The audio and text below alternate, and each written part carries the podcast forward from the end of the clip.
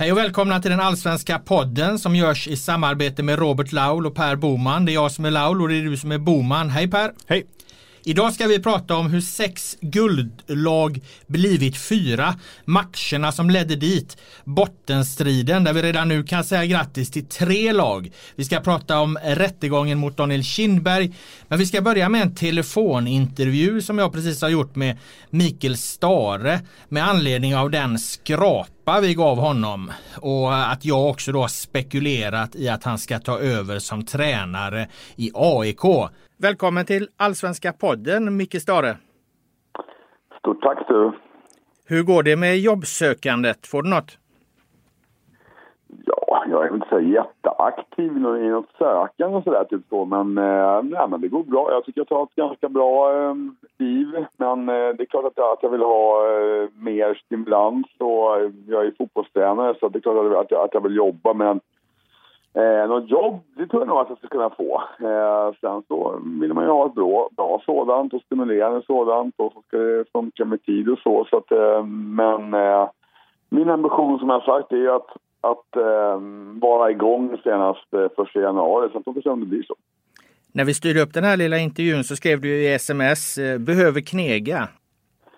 Nej, men alltså som jag sa, alltså, man, jag har haft ett bra år eh, snart ett år som jag har varit, har varit ledig. Och det är klart att jag, det är inget problem att få för dagarna gå och göra vettiga saker och liksom och, och jag har haft ett bra. År, jag har skött om mig själv och min familj och så och liksom också fyllt på med kompetens och så. Men eh, någonstans så blir liksom, allting har sin tid och nu är det liksom, nu är det dags liksom att sätta sig själv i ett sammanhang igen. För det är en sak liksom att ha ett bra sabbatsår men, men någonstans så ska man ju jobba och få stimulans också och känna att man får vara del av ett sammanhang. Så det, det hoppas jag på att jag, ja, som senast i januari. Som, som, som, sagt, sen ska det vara ett, eh, då ska det funka också. Tar du över Gnaget om de missar guldet?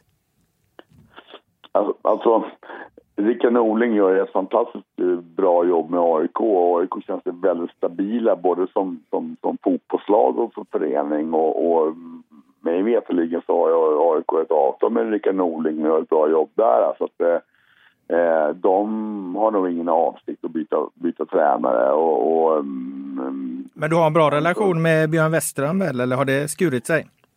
Nej, det har inte skurit sig så, men, men, men jag och Björn har inte jobbat ihop sen, sen, sen, sen, sen jag lämnade 2010 och det är klart att Eh, att eh, det finns ju band eh, liksom, som är AIK självklart och så, men det är ju tio år sedan jag var där, så håller man ju en kontakt med mig jag har inga, absolut ingen regelbunden kontakt med Björn. Jag har träffat honom fem gånger de sista tio åren. Eller någon, någonstans åt det, det hållet. Så det, men, men det är klart att som, som alla personer som man som man har, har varit nära och så, så att man, när man träffas så, så känns det väldigt, mm, som, väldigt snabbt som det var den gången man, man, man, man träffades senast, det är så jag menar. Men, men, men det är inte så att vi har någon att vi har någon tät eh, liksom, eh, dialog, det har, det har vi inte på, på det sättet. Eh. Kommer du träna AIK någon gång igen i framtiden tror du? Jag hoppas ju det, eh, absolut. Sen så är det ju, liksom, är det ju inte jag, bara jag som bestämmer det, utan det är ju en av Skandinaviens liksom, som största klubbar. Du fick lite kritik här i vår senaste podd av eh, mig och min kollega Boman här. Du var inte riktigt nöjd med det eh, har jag förstått. Vad vill du säga till ditt försvar? Ja, du menar, vad var det exakt du menade då? Det här med... med ja, men vi tog väl upp perspektivet att man inte riktigt kan lita på Micke Stare? Ja, det blir man inte, det blir man inte sådär, det blir man inte så jätteglad att höra eller blir man ju lite ledsen i ögat och så.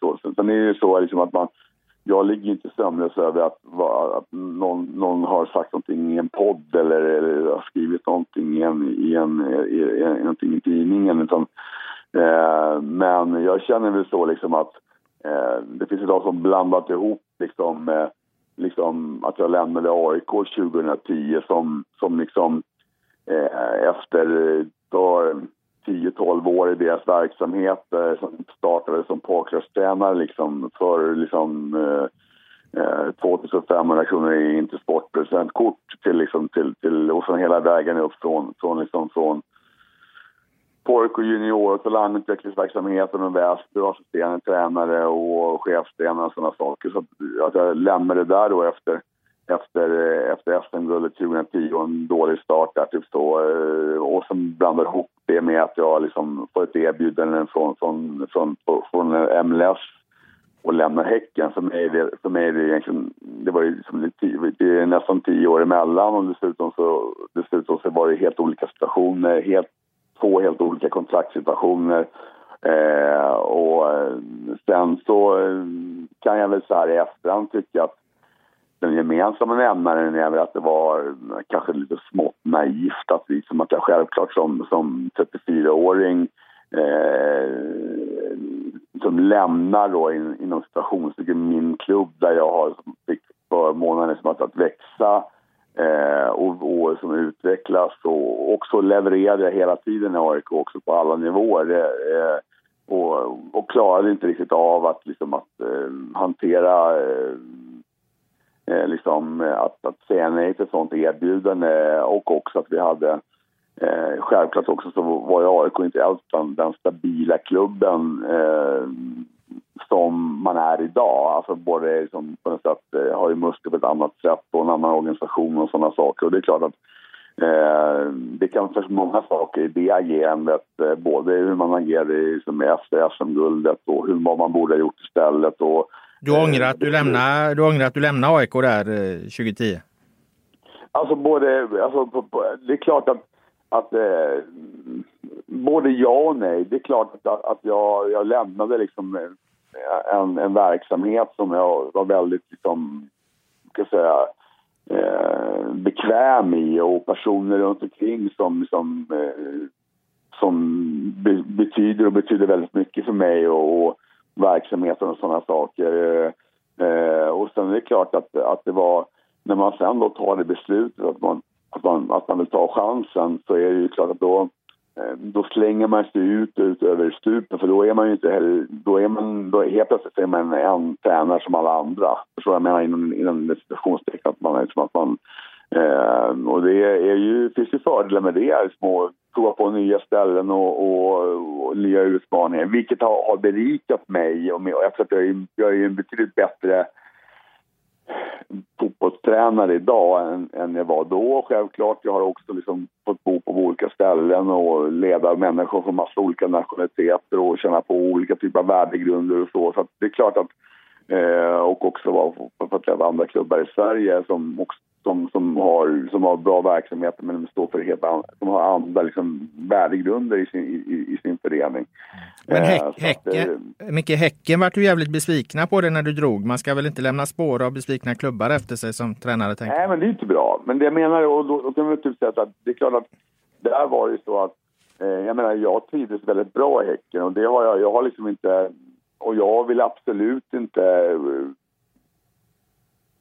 dra dem på något sätt in, i något, in, i något eh, eh, dålig dag. För de, de är en, Häcken är en väldigt bra klubb och det var därför också jag, jag gick dit och tackade ja till erbjudandet när jag fick det efter, efter, efter Kina. Och, eh, bra människor, eh, liksom goda förutsättningar, liksom en bra arbetsmiljö på alla sätt. Liksom en fin förening som, som växt fram och liksom ett ett, liksom ett, ett, ett supporterskap också som är eh, på, ett, på, liksom, på, på lite annorlunda, liksom, eh, ska jag säga, har en annan twist runt sig sådär typ då. Var det ett, mis och, var det ett misstag av dig att, att dra därifrån på det sättet du gjorde? Så här, så här efteråt med, den, med, med, med, med, den, med det misslyckandet rent resultatmässigt som jag gjort som var mitt liksom, första riktiga liksom, för jag har ju aldrig varit i en verksamhet där, där vi hade varit, varit så dåliga eh, där vi förlorade så många matcher så fick jag väl lite grann, kanske lite grann tillbaka. Eh, samtidigt så, så är det så att, att eh, den, den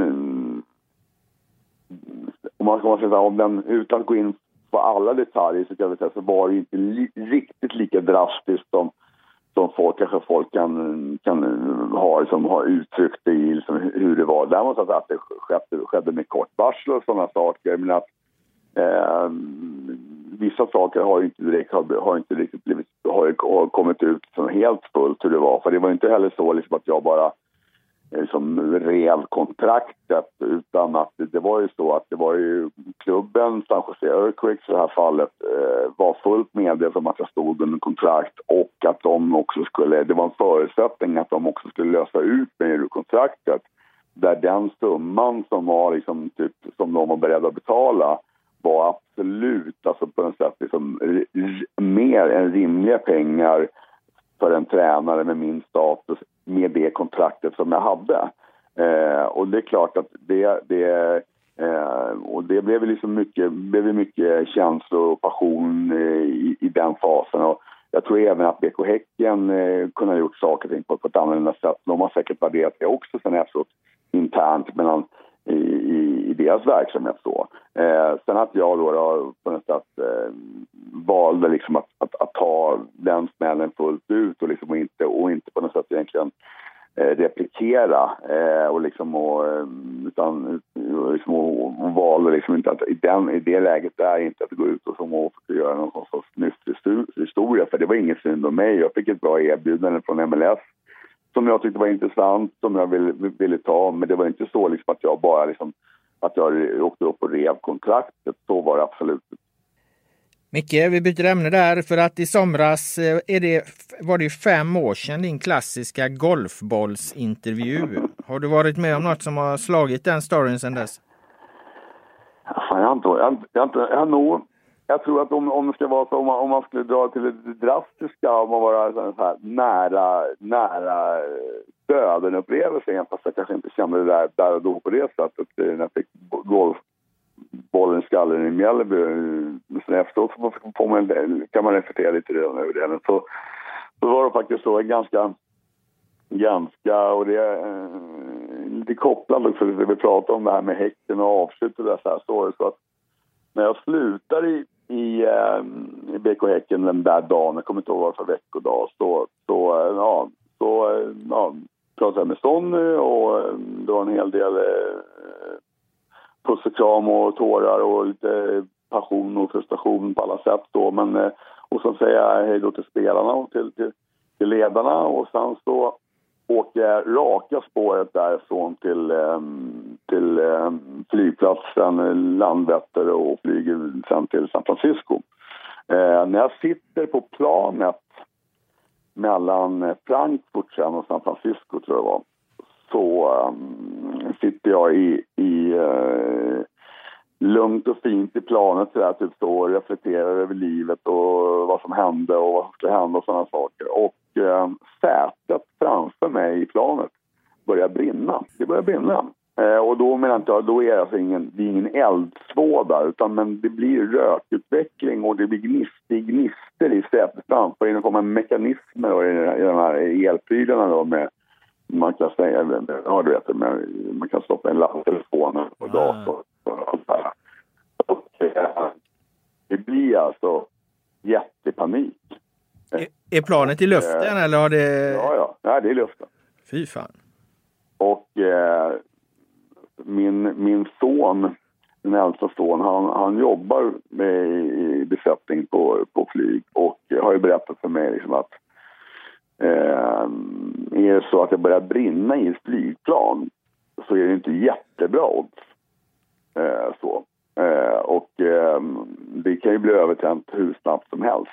Ja, det behöver man nog fan inte jobba på ett flygplan för att inse. Ja, precis.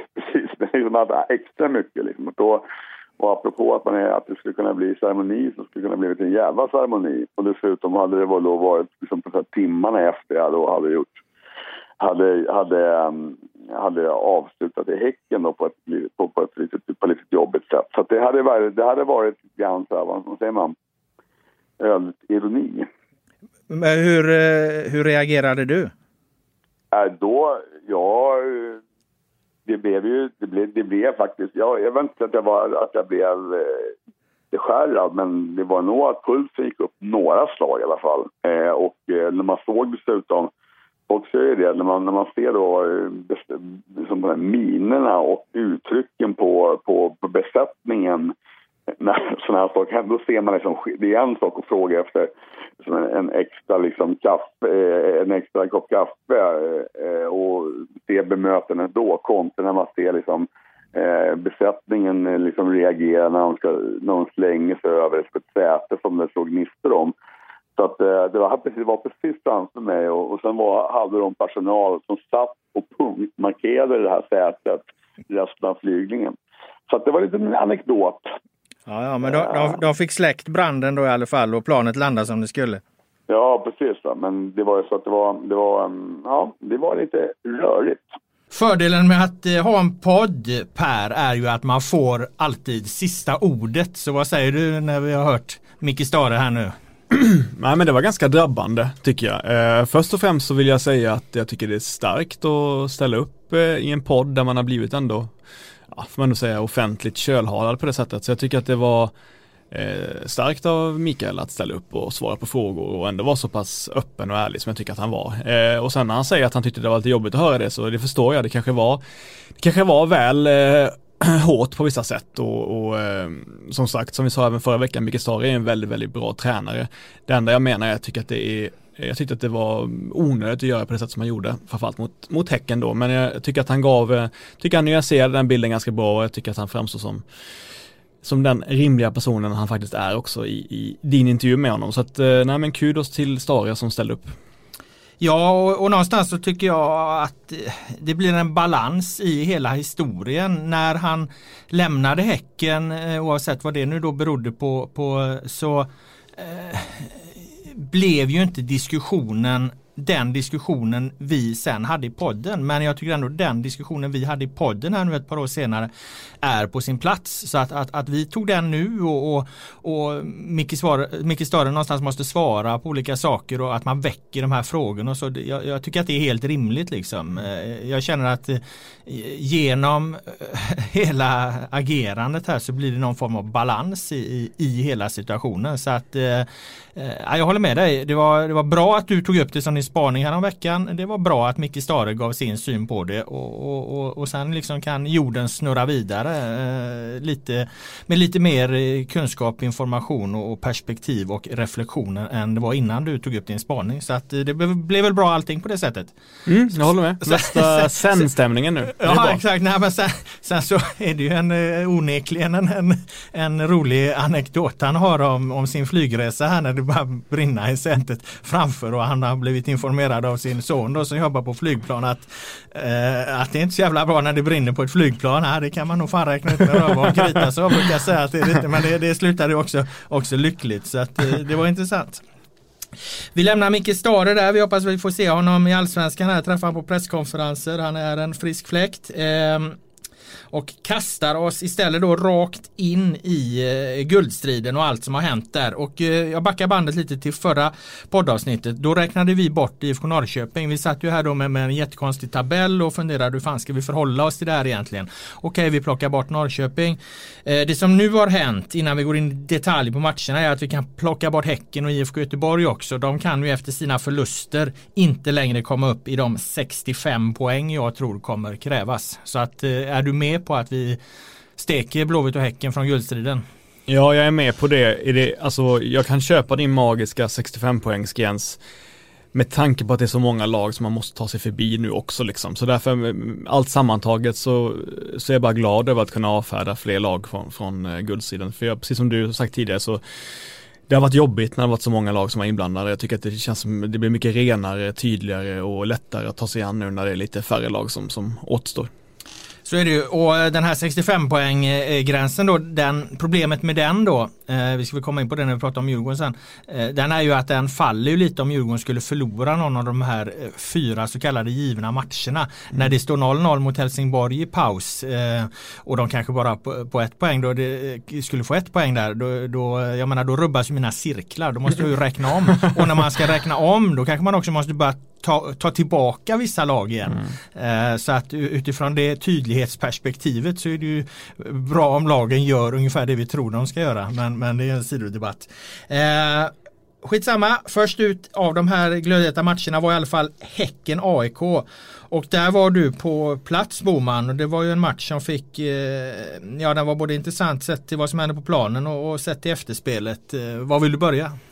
Nej men jag tycker vi kan väl börja med, med planen ändå. Ja. Eh, den stora grejen tycker jag var, om man kollar på båda lagen inför matchen, det var ju att Ado saknades. Det är ingen hemlighet att, man, att AIK har svårt att vinna utan sin strateg på innermittfältet. Eh, både vad gäller det defensiva positionsspelet men också så här det tidiga, den tidiga speluppbyggnaden. Så där. Nu fick Karol Metz ta den rollen istället och det var en tydlig liksom, vinkning för hur AIK ville ta sig an den här matchen. AIK ställde alltså sina elva välbetalda väldigt, väldigt duktiga individuella spelare på egen planhalva eh, och spelade ett slags defensivt schack och försökte vänta ut eh, Häcken. Liksom. Men jag, jag, jag, kan respektera det att man har respekt för Häcken. Häcken är ju ett otroligt bra konstgräslag på hemmaplan så att jag förstår verkligen det men det, det var en, verkligen, verkligen en def defensiv approach och jag tror att den blev lite mer defensiv än vad de hade velat alltså jag tror att just att Ado saknades gjorde att jag tyckte de tappade en del boll ganska farligt tidigt i matchen som gjorde att Häcken kunde komma till en del farliga attacker utöver sitt fina bollinnehav. Så jag tror att de blev ganska rädda rätt snabbt och Sebastian Larsson sa en intressant sak efteråt. Han sa så här, ja men vi märkte tidigt första halvlek att det här är inte vår match, vi är inte bra idag. Och då är vi, då är vi ett lag som bestämmer oss, nu tar vi det smutsiga jobbet och, och liksom kämpar hem tre poäng eller en, eller en poäng. Och jag tycker då att det är det som kanske är mest imponerande med AIK, det är att trots att de har några av de mest meriterade spelarna i Sverige så har alla en otrolig förmåga att att underkasta sig det kollektiva arbetet. En sån som Tarik Elionossi, norsk landslagsman, otrolig offensiv spelare som bara vill släppas lös i löpningar. Han går runt och bevakar sin motståndare i princip i 90 minuter.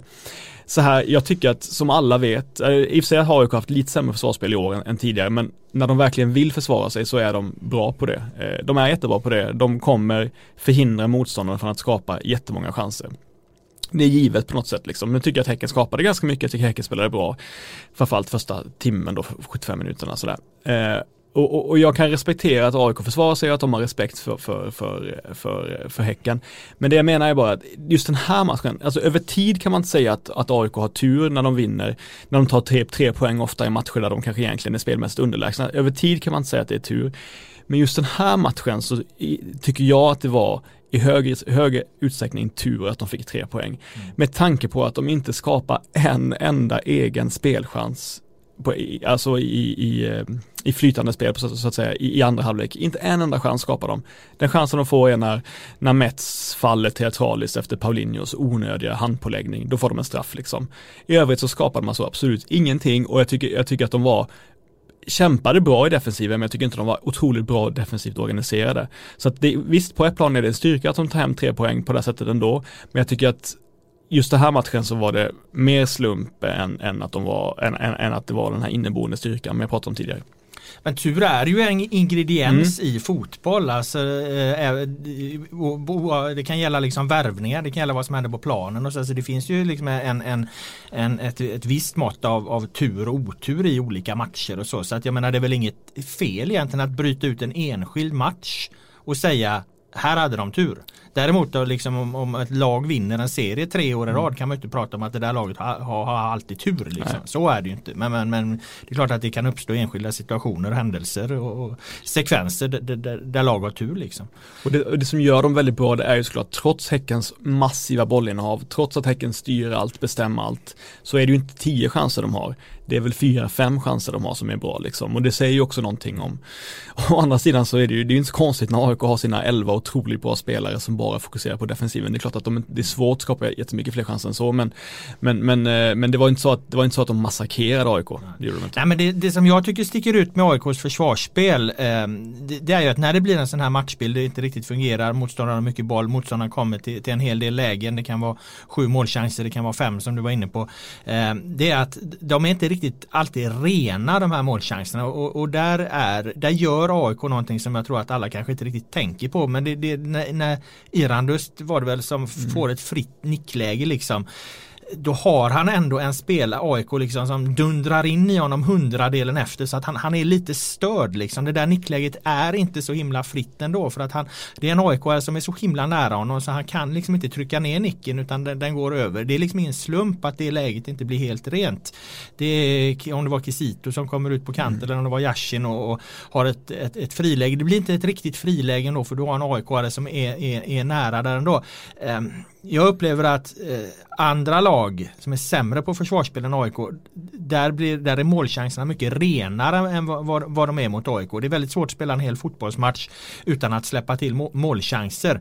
Men, men, men AIK är ändå så grundförsvarsstarka att även när de släpper, släpper till målchanser så är de liksom där och nästan ser till så det inte blir en riktig målchans ändå. Förstår du vad jag menar? Absolut och sen får man ju ta in det då att när Paulinho fick ett läge ja då smackade han givetvis upp den i krysset. När Irandust eller Kisito får sina lägen, då är inte de, de är väldigt bra i spelet redan nu tycker jag båda två, men de är långt ifrån dödliga i straffområdet liksom. Då, de, då bränner de mycket. Så, ja och det är ju en faktor ur ja, Häckens perspektiv att de har inte kvar Jeremejeff. Verkligen. Och, och, det är också en faktor till hur AIK förhåller sig till, till en match. Jag menar det, det, är klart att AIK har ett fokus här. Vilka spelare ska vi extra mycket koll på? Vilka är, är bättre mm. att släppa? Var, var, har vi våra bästa markeringsspelare och så vidare. Allt det där liksom eh, måste man ju också ta med i beräkningen. Vilka är det som får chanserna? Och, och så här. Det är klart att, att, att det också är en aspekt på det. Det som, det som jag kan tänka lite på kring AIK det är att skulle AIK vinna allsvenskan så, så skulle jag säga att de, det är det sämst fungerande laget som någonsin har vunnit allsvenskan. Eh, I alla fall i modern tid. AIK alltså, 09 då? Alltså sett... I jämförelse, jag tycker det här nej, laget är bättre än AIK 09. Ett bättre lag. Alltså ja, spelare för ja. spelare, absolut. Men sett hur de fungerar utifrån förutsättningarna och de går in här som regerande mästare. De har mm. mycket pengar, de har värvat som fan. Um, de har liksom inte tappat några tunga spelare. De har ju liksom inte haft några sådana motgångar. Liksom. Ändå får de liksom Är det Olsson? Spelet, ja men han försvann ju. Ja, absolut, absolut. Ja men de har inte tappat inga under sommaren. De behövt bygga om. De just har det. kunnat liksom tugga vidare med det här laget. Ändå är det som du säger, ändå går det liksom eh, det är liksom näst laget med näst mest pengar, näst dyrast trupp går ut mot Häcken och har sådana problem och har ett eget spel så här långt in på säsongen. Det är en gåta och, och med, det är det jag menar att, mm. att utifrån det perspektivet skulle de ta hem allsvenskan nu så, så, så, så är de det sämst, sämst fungerar. Det är inte det sämsta laget, det är det jag säger för att jag menar försvar, försvarsspelet ska ju räknas in. Men det är det över, över hela planen det sämst fungerande laget som i så fall har, har vunnit allsvenskan. De andra topplagen som är med i guldstriden här de har inte lika bra spelare, de har inte lika dyra spelare. De har liksom inte Sebastian Larsson, de, de har liksom inte eh, den typen av spelare. Men, men, men de fungerar ju mycket bättre som lag än, än vad AIK gör, framförallt offensivt. Då. AIK har ju en drös med, med var för sig riktigt bra anfallsspelare. Men fungerar de ihop inte särskilt bra, inte, inte i närheten av hur de fungerade förra året till exempel. Nej det håller jag med om, men jag tänker också att det är ju, nej men det, för det är det jag landar i liksom, hur skulle egentligen AIK skapa lägen i andra halvlek? Vad var tanken liksom? Hur skulle de egentligen skapa en chans? Ja, då, jag, jag såg inga tendenser eller embryon till, till den typen av anfallsspel. Så där, där kan jag bara landa i att det var riktigt mycket flyt att de fick tre poäng mot Häcken. Mm. Eh, för de kunde liksom inte räkna med en sån straff på något sätt. Jag antar att de var nöjda med en poäng helt enkelt. Att det hade varit okej okay för dem. Sen är det ju ett eh, dramatiskt efter, efterspel här mm. då. Vad fan hände? Det blev det ingen presskonferens eller drog Norling från ja, presskonferensen? Försöka... Vad, fan, eh, vad fan hände? Jag menar Alm var ute, Andreas Alm, Häckentränaren var ute och, och stormade där mot eh, domaren. Det kan man ju tycka vad man vill om. Jag tycker den här domardebatten, vi kan ta det lite senare, är, är oerhört banal. Men eh, ja, vad fan hände? Ja, man kan ta det från början då. Det är ju Först tycker Häcken att eh, de ska ha frispark när Lindgren får två, så mycket, två stycken bebishänder på ryggen och Basi trycker sig undan och, och får och gör mål. Jag tycker att det är liksom en typ av närkamp som man måste acceptera liksom. Det kan möjligen bli frispark men man får inte vara ledsen för att det inte blir det. Jag tycker att just den, det gnället tycker jag var ett patetiskt gnäll.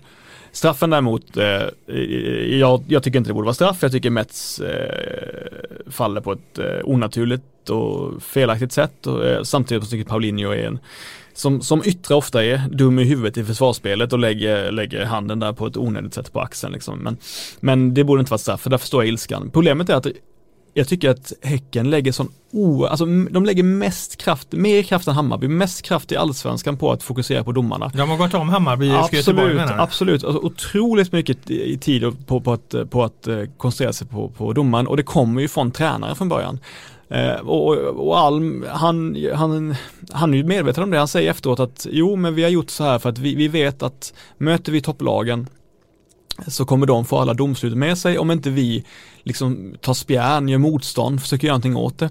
Men alltså jag upplever ju, för jag minns ju i halvtid så när, när, när Rasmus Lindgren och de andra gnäller på domarna och, och Alm är förbannad på domarna, då är ju den här linjedomaren som, som dömer straffen sen, han ser ju vansinnig ut. Helt vansinnig ut ser han ut på, på Häckens gnäll liksom. Han ser verkligen störd ut av det och han ber dem i princip dra åt helvete med förmodligen finare ord liksom.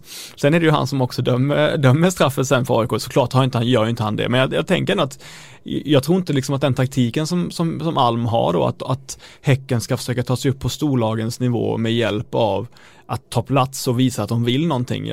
Oklart om den är så om den är så lyckosam sådär. Han, eh, Nej, jag tror den är jättedestruktiv. Det är ja. inte det minsta konstruktiv. Alltså du håller på att fokusera på någonting du inte riktigt kan påverka och så.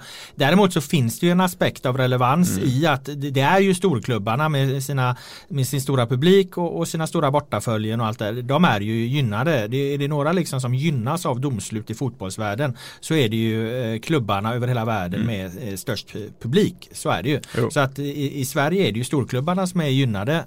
en del av dem gnäller alldeles för mycket på det vilket är fullständigt patetiskt för de är i långa loppet gynnade av domsluten. Det är småklubbarna som, som får mer emot sig. Ur det perspektivet har ju eh, Andreas Alm eh, eh, en poäng. Eh, däremot så tror jag inte heller, jag tror att han han, eh, han, det skapas liksom någon slags negativ energi runt det och, och det, det, det, blir ett förlorarbeteende och eh, det smittar av sig på spelare. Jag, jag har väldigt svårt att se vad, vad, vad, han ska få ut eh, av, av det ur det perspektivet. Det, det bästa för, för Häcken är att skaffa sig en större och liksom mer högljudd klack. Då, då kan man ju börja skapa liksom det här trycket som, man, som forskningen har visat att, att domare faktiskt kan påverkas av. Nu tror jag, jag tror det säkert kan ligga något i, i det. Att är, är domarna vansinniga på, på ett lag tycker att lag beter sig patetiskt patetiskt hela tiden. Det, de kommer naturligtvis försöka att inte vara påverkade av det men någonstans kanske det, kanske det sitter där. Jag blir ju i min objektiva roll, jag tycker liksom det, jag blir irriterad på så Hammarby och Blåvitt och nu Häcken och de håller på att tjafsa för mycket av domar för helvete. Fokusera på fotbollen, det är för fan ingen,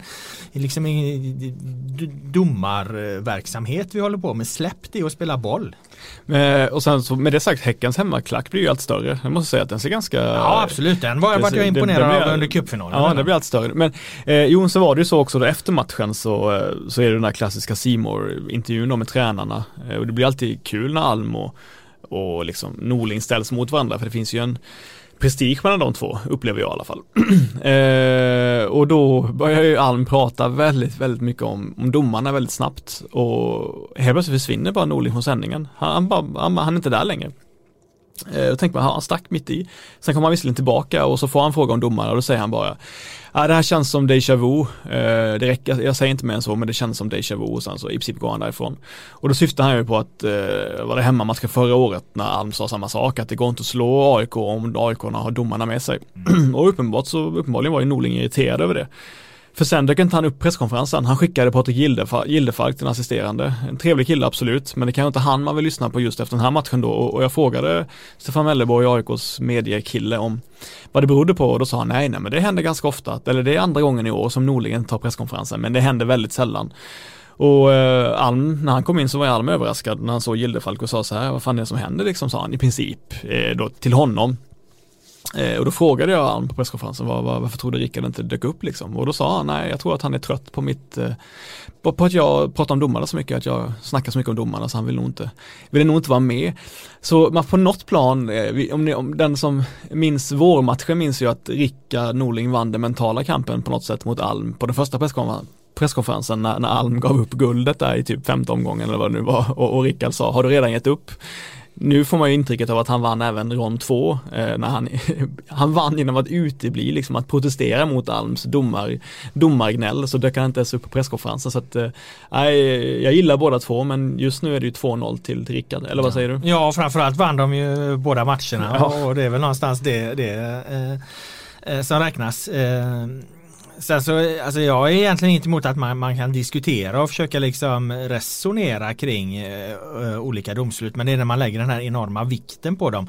Uh, du hade ju ett resonemang här nu som var, var relevant. Att tyckte att den en, uh, första situationen med Obasi när han knuffar undan att det är helt okej. Okay, men att det andra inte skulle vara ett straff. Liksom. Jag, jag kan se att man har en, en, annan linje. Man ser att, det är en, att Obasi har en hand på Rasmus Lindgren. Är det va? Mm. Ja, nej men då får man faktiskt ta en frispark där för han, han, han knuffar undan honom där. Mm. Även om den knuffen inte är jättehård. Och man kan också säga att ja, Paulinho har en hand mm. och visst Mets han faller ihop som ett, ett korthus, han filmar ju det är uppenbart. Men eh, Paulinho har lagt handen, det blir omöjligt för domaren i det läget att avgöra hur mycket kraft. Så att där ska det vara straff. Eh, då har man en, en, en, eh, både enligt ditt sätt att se det och enligt mitt mm. sätt att se det, en rak linje eh, i det. Nu, nu tror jag problemet här blir att domaren har då inte en rak linje liksom mm. eftersom han, han släpper den ena och tar den andra jo. liksom. Och det, det är ju någonstans det som blir problemet. Hade VAR då exempelvis funnits då hade, tror jag att det hade blivit eh, första målet hade dömts bort just för att då hade VAR sett ja men det är en hand där. Ja mm. då tar de bort det liksom. Mm. Och, och på straffen har de sett ja men han har en hand på axeln och han ramlar ja då är det straff liksom. Så att eh, eh ur, det perspektivet det kan man ju liksom ha en, en, en, lugn, en lugn och, och fin eh, mm. resonemang om givetvis. Så det, det, har jag egentligen inget, inget emot. Men det är när man tillskriver det de här oerhörda eh, värdena. Jag menar Häcken har 90 minuter på sig att skapa bättre målchanser än vad de gör. De har sålt eh, iväg Jeremejeff. Att de inte vinner den här fotbollsmatchen handlar om tusen andra saker än, än de här liksom, eh, domsluten. Sen eh... Sen eh, vill säga det eh, om Häcken också. Eller först vill jag säga en sak om Obasi. Det sista grejen om det. Jag tycker, jag tycker han häver sig mot ryggen snarare än att knuffa den. Så att det är en del av ett kampmoment till 100% snarare än någonting, någonting elakt. Sen vill jag säga att Häcken tycker jag var imponerad av två spelare framförallt. Eh, Gustav Bergen tycker jag var jättebra på innerfältet, både duellspelet och bollspelet. Du hade rätt för, som du sa för typ tio veckor sedan, att Falsetas borde petas till förmån för Bergen. Det har han verkligen visat nu Ja, och det, så är det väl också. Han ja, jag, ja, jag säger det. Exakt, exakt. Så att, ja. Eh, du hade helt rätt med det redan då menar jag. Och sen tycker jag att Kisito, även om han är helt ofärdig i själva avslutsmomenten och som anfallare, så tycker jag att han var väldigt imponerande på att suga ner boll, eh, ta in den, spela vidare, uppehålla tre mittbackar i AIK, tycker han var jättebra. Så att Gustav Nilsson som ser kalvig ut får nog vara kvar på bänken ett tag till och Kisito tycker jag har den, ska ha den rollen just nu. Vi har ju haft en mejlare efter oss som har ifrågasatt att vi inte aldrig pratar om Häcken. Nu måste ju den eh, mejlaren ha fått eh, eh, det behovet tillfredsställt. För nu har vi pratat väldigt mycket om Häcken. Eh, risken är väl att det inte blir så mycket mer nu då eftersom vi ju skriver av dem från guldstriden om de inte kommer tillbaka där. Eh, vi ska lämna dem, vi ska också lämna AIK. Eh, vi ska ta oss vidare till eh, matchen som därpå följde. Eh, det var ju Hammarby Blåvitt och den såg jag. Och där har jag det, det blir väldigt målrikt och det beror ju väldigt mycket på att, att Hammarby gör tre mål på 12 minuter och eh, hur fan kan det där hända liksom? Ja, alltså om man kollar på vad Poya Ashbagi säger i intervjun precis innan avspark i tv-intervjun. De kan vara ganska intressanta de där intervjuerna ibland. Eh, för att eh, då vet de att det de säger där, det, det motståndaren hinner liksom inte dra någon fördel av det. Så då kan de liksom berätta precis vad, hur de har tänkt. Och, och Poya, eh, han säger ju att det är viktigt mot Hammarby att de inte blir så nedtryckta. För att om Hammarby får dem eh, liksom att spela handboll mot, handbollsanfall mot dem där de mm, i princip försvarar straffområdet, ja då är Hammarby så skickliga så att förr eller senare så kommer, kommer, kommer de göra mål. Eh, så att eh, Blåvitt måste ha ett eget spel menar han på, måste kunna, kunna ta oss ur det här och äga boll och så vidare. Och jag sympatiserar med den tanken, absolut. Men jag sympatiserar inte med att gå in i matchen eh, med, med den eh, strategin. Lasse Lagerbäck när han var förbundskapten, han, han hade liksom, jag vet inte om uttryckligen, men nästan alltid när Sverige spelar sina landskamper och även om de så mötte San Marino första kvarten då, då, då, då hade de inga passningar på egen planhalva utan bort med bollen bara så långt bort från eget mål för att i början av en match är man liksom inte riktigt med. Det är lurigt om, om bollen är för mycket nära en, en, ens eget mål. Man är liksom inte riktigt inne i det. Det gör lite ondare att ta närkamperna. Det kan vara massa olika eh, eh förklaringar. Man, man, har, man har liksom inte riktigt kommit in i det. Så att man såg det, det var jättetydligt på Sverige. De undan med bollen, bort så långt bort från eget mål. Sen kunde Sverige under Lagerbäck i många år spela jättefin fotboll liksom. Men den här första kvarten, bort med bollen liksom. Mm.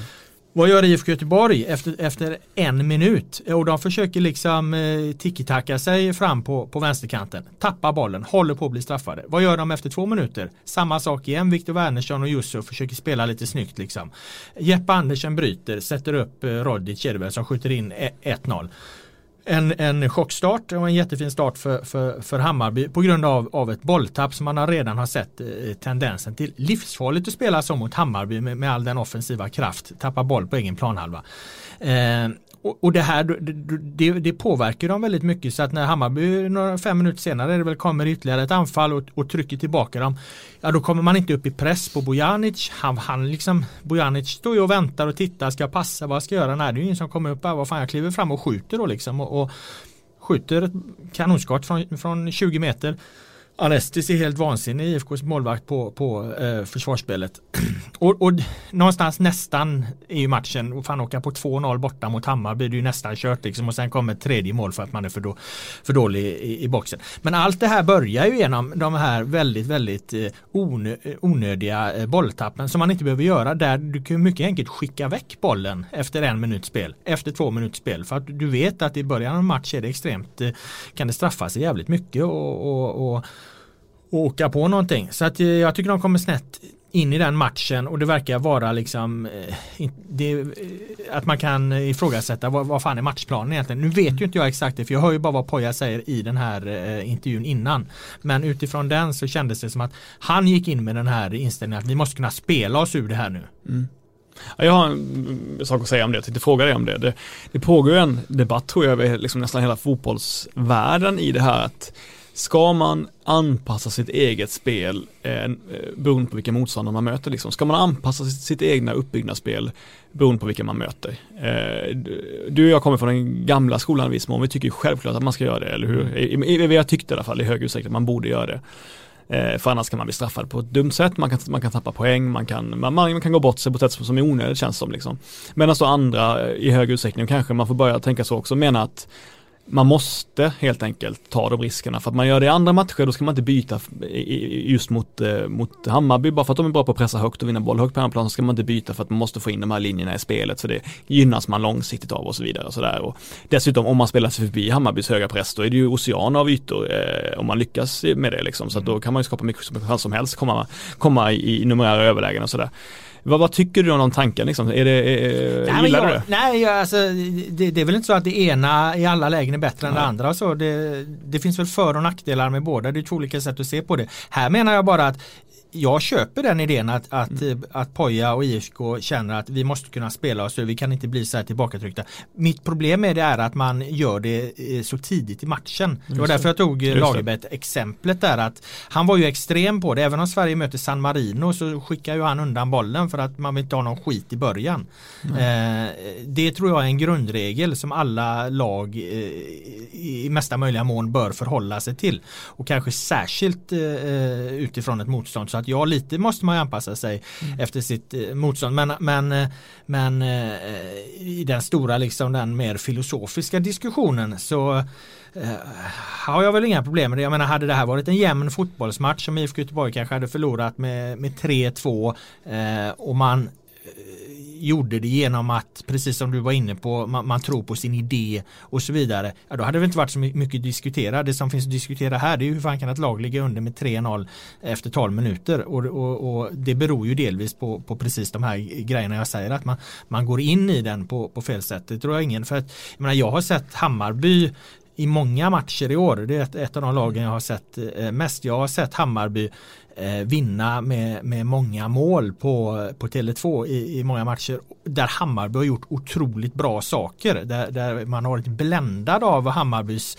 spel även om det har varit mot sämre lag. Kan ha varit mot Elfsborg, kan ha varit mot Falkenberg, eh, Östersund, Sirius, ja vilka det nu har varit liksom. Alltså, man har sett, fan där kommer Bojanic ner liksom och så en, en eh, passning som skär igenom lagdelarna och eh, Tankovic kommer in i planen. Du får en djupledslöpning på, på anfallare och sen kommer Katja Niklic på bortre stolpen och, och stöter in det. Det är ju så Hammarby Hammarbys anfall har sett ut. Fantastiskt fina anfall mot lite sämre motstånd. Det var inte det Hammarby här eh, vi såg. Det var inte någon jättebländande offensiv eh, insats. Eh, de möter ett lag som bjuder på väldigt, väldigt många mål så de behöver inte ens plocka fram de här kvaliteterna och sen så tappar de. De hade ju tre ordinarie spelare borta från start. De tappar ju två till under matchens gång så att jag menar det är ju ett halvt eh, ordinarie lag till slut som är ute på banan och Djurdjic var ju avstängd som sagt. Mm. Eh, eh, så att Hammarbys offensiv fungerar inte alls så som vi är vana vid att se den när, vi, när, när man verkligen så här när jag efteråt skriver att fan det är roligare att kolla på Hammarby än att gå på Gröna Lund. Det var inte det Hammarby, ändå gör de liksom sex mål och det är klart att det beror ju på någonting. De nya spelarna på planen, Rodic och så vidare, vad tycker du om dem som fick komma in och göra ett jobb så att säga? Ja, Rodic tycker jag gjorde det jättebra. Han har ju mm, den här säsongen oftast hoppat in eh, som eh, back egentligen och jag har tyckt att han har gjort det hyfsat där också. Han är ju liksom ingen försvarsspelare. Eh, men, men nu fick han ju spela på den positionen han vill spela och det blev ju en match som passade honom väldigt mycket. Han, han är ju mycket, det är mycket energi liksom och, och han kommer med kraft och fart och, och så och det, det, det, det gör han jättebra. Så att vad hade du med för nya spelare där? Du hade ju, ja Junior kom in, mm. det är ju intressant. Eh, ja, ser ju såklart lite, lite ringrostig ut och, och eh, Eh, är väl inte riktigt så mjuk med bollen som man eh, är van vid att se honom. Men det är ju inte så jävla konstigt. Han har varit borta svinlänge. Utifrån hur länge han har varit borta så skulle jag säga att, att eh, ja, men han är inte lång. Han är liksom, vad har de avstängningar till derbyt eller? Jag vet fan om eh, blir Jeppe Andersen avstängd? Nej jag tror han spelar. Han, han klarar sig ja. kanske då, han fick kort ja. Eh, nej men han är inte långt, eh, långt från att ta en, en, en, eh, en välförtjänt startplats. Inte en startplats bara för att eh, det är någon, någon som är avstängd eller så. Eh, utan där har de verkligen ett Ja, som ett nyförvärv liksom som kommer in för de här mot slutet. Vad säger du med alla skador då? Vad var det han sa Billborn, vi är klena? Ja, eh, nej, men det är något, något känns det som det inte riktigt fungerar i hur de eh, hanterar det. Eh, man kan ju dels kan man titta på eh, Norrköpingsmatchen när de startar David Fällman och Alexander Kacaniklic eh, som båda har problem och båda tvingas kliva av ganska tidigt. Det här är alltså matchen innan ett långt uppehåll. Här hade man chansen att eh, få Eh, tre veckors vila på dem, kanske får dem helt återställda inför för en guldstrid. Istället så slänger man in dem i den här matchen och de går sönder. Visst, det är lätt att sitta och vara efterklok. Men, men det är klart att man hade kunnat, ett fysteam hade kunnat resonera så, Bilbon hade kunnat resonera så. Eh, det finns ju ett perspektiv i att du värvar en viss typ av spelare, de, de som liksom har en lång skadehistorik är inte lika dyra och så. Hammarby är inte de som har mest pengar, de, de letar på lite andra hyllor än kanske eh, AIK och eh, Malmö FF och då kan det vara att man får mer skadebenägna spelare när man, när man värvar så. Men då måste du förhålla dig till det liksom. Då, då måste ju fysteamet vara eh, anpassade lite efter det. Så att jag tror att definitivt att det där är en diskussion som, som Hammarby eh, kommer ta för att att, att man får skador nu i slutet av en säsong det är egentligen inte så jävla konstigt men Hammarby har haft bekymmer hela, hela säsongen i princip. Det har varit väldigt, väldigt mycket skador särskilt på deras försvarsspelare då. Mom deserves the best and there's no better place to shop for Mother's Day than Whole Foods Market. They're your destination for unbeatable savings from premium gifts to show-stopping flowers and irresistible desserts. Start by saving 33% with Prime on all body care and candles. Then get a 15-stem bunch of tulips for just $9.99 each with Prime. Round out Mom's menu with festive rosé, irresistible berry chantilly cake, and more special treats. Come celebrate Mother's Day at Whole Foods Market. Vi lämnar eh, Hammarby Blåvitt därmed. Vi har konstaterat att eh, Hammarby klippte bort eh, IFK Göteborg från eh, guldstriden där medans eh, Hammarby eh, kämpar sig kvar. De har ju fortfarande, går de rent så, så är de uppe på, på de berömda 65 poängen. Eh, så att de behåller vi definitivt där. Matchen som följde på den var ju Malmö FF eh, eh IFK Norrköping och den såg jag också och det måste jag säga att det där var en bra jävla fotbollsmatch rent eh, kvalitetsmässigt. Jag skrev det efteråt att det, det, var en internationell aura över den. Är det inte alltid det när Norrköping möter ett annat topplag? Jag skulle säga att de är det mest generösa laget, topplaget i allsvenskan på att öppna upp matcher och liksom göra det till den här eh, festen på något sätt. Jag, jag, jag, liksom, jag ska, ska minnas vilka matcher som Norrköping spelat tidigare. AIK hemma, otroliga, otroligt spel som, som Norrköping sätter igång liksom. AIK borta, Norrköping bjuder upp till dans och gör det till liksom en, till en svajig match. Eh, när Norrköping möter eh, Hammarby, båda matcherna, otroligt att se på, otroligt kul att kolla på. Eh, bra fotboll, likaså mot Djurgården borta. Ja, jag, jag hör vad du säger. Jag tänk, men jag tänkte inte nödvändigtvis på att det blev eh, underhållande, eh, snabb, bra fotboll. Så, utan jag, jag tog med mig allt i det. Alltså, mm. alltså, närkamperna stenhårda. Mm. Eh, hur eh, Ove Rösler förändrar en, en matchbild. Eh, hur bra Norrköping är, är, när de är bra i första halvlek. Hur bra Malmö måste vara i andra halvlek för att, att få, få hål på dem. Hur Kasper Larsen liksom styr sin backlinje. Eh, det, det, var så många olika eh, moment. Alltså inte bara just den här farten sporten eller så som, som för det, det är ju inte alltid nödvändigtvis ett tecken på att något är bra mm. liksom ifall det är öppna spjäll överallt mm. liksom och, och, lagen far fram och tillbaka och det här Hawaii-fotboll. Visst det kan vara underhållande att se men här var det mera liksom att allting som hände kändes som att det utspelades på en hög nivå och det krävdes väldigt mycket av eh, de inblandade för att eh, fungera på den här höga nivån och de gjorde det och det gjordes liksom också ett par matchavgörande eh, beslut som var lätt att imponeras av. Hur, eh, alltså hur lyckades Norrköping med det som många europeiska lag inte lyckas med borta mot Malmö FF? Hur lyckades Norrköping liksom diktera matchbilden på ett sätt som, ja men som sagt, som, det är ju fan i Europa League eh, senaste åren så har ju få lag mm. lyckats göra, göra det på det sättet som Norrköping gjorde nu. Ja, jag skulle säga att det var kombinationen av att Malmö FF eh, inte gjorde det de brukar göra tillräckligt bra eh, och att Norrköping eh, kom in i den här matchen med, med, med en tydlig bild just hur de skulle hantera eh, den grejen. Det kändes som att allt Norrköpings fokus var hur hanterar vi Malmö FFs återerövringspress. Mm. Eh, jo, vi måste spela oss förbi den. Det sammanföll med att eh, Malmö var inte riktigt på tå. Jag menar, efter, efter, efter 30 minuter så, så skanderar publiken vakna Malmö. Mm. Det var, var ganska intressant för att eh, det var ju faktiskt eh, det var en, en helt briljant matchanalys. Mm. De buade först, sen kom de väl uppenbarligen på att det är bättre om vi får in ett budskap här liksom. Mm. Så då körde de Vakna Malmö och det fick faktiskt effekt i kombination med ett par andra saker som jag ska komma in, in på. Men, men, men det som framförallt var att Norrköping kunde utnyttja det här Malmö. Det handlar inte bara om att de inte var på tå. Det var att de hade väldigt, väldigt stora eh, utrymmen mellan sina lagdelar. Eh, Rasmus Bengtssons backlinje föll väldigt djupt. De låg väldigt långt ner. Så att när Malmö högre upp försökte pressa boll, eh, kom i sin återerövringspress, eh, ja då kunde Haksabanovic, Skrabb, Nyman, då, då, då, det fanns väldigt, väldigt stora ytor för dem att göra sig spelbara på. Så att det var inte så jäkla svårt för Norrköping att när de skulle spela sig ur den, den här pressen, ja då kan man ganska lätt sätta en boll eh, rakt igenom Malmö i princip eftersom backlinjen låg så jäkla långt ner så det blev sådana stora utry utrymmen. Och där har de helt exemplariska spelare att sätta dem på. Haksabanovic är fantastiskt just när han får den eh, lilla möjligheten att vända upp och sätta liksom fart mot mål med bollen klistrad vid fötterna. Ett, par kroppsvrickningar och komma till avslut. Eh, så att eh, de olika faktorerna samverkade skulle jag säga. Eh, och det som sen då är intressant är ju att eh, ja, publiken de driver på men också Ove Rössler. Han, han är ju vild på kanten där. Han, eh, han är ju på Bengtsson hela tiden. Måste upp med backlinjen. Måste upp med backlinjen.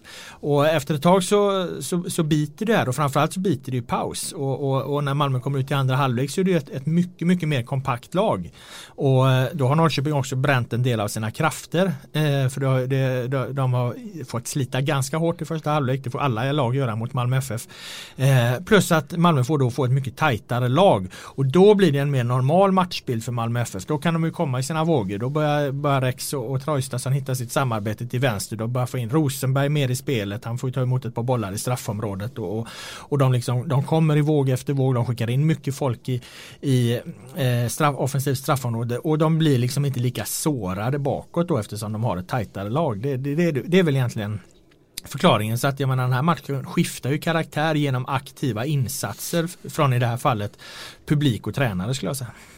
Um, nej men jag, jag kollade på andra halvlek där efter jag sett AIK och Häcken och då, då för jag, jag, hade ju förstått att Norrköping var otroligt på första halvlek men jag fick inte se det så mycket så det jag såg andra halvlek var ju att som du säger att, att um, Malmö hade kommandos framförallt så upplevde jag att de efter ett tag vann alla andra bollar liksom. De sög tillbaka bollen hela, hela tiden.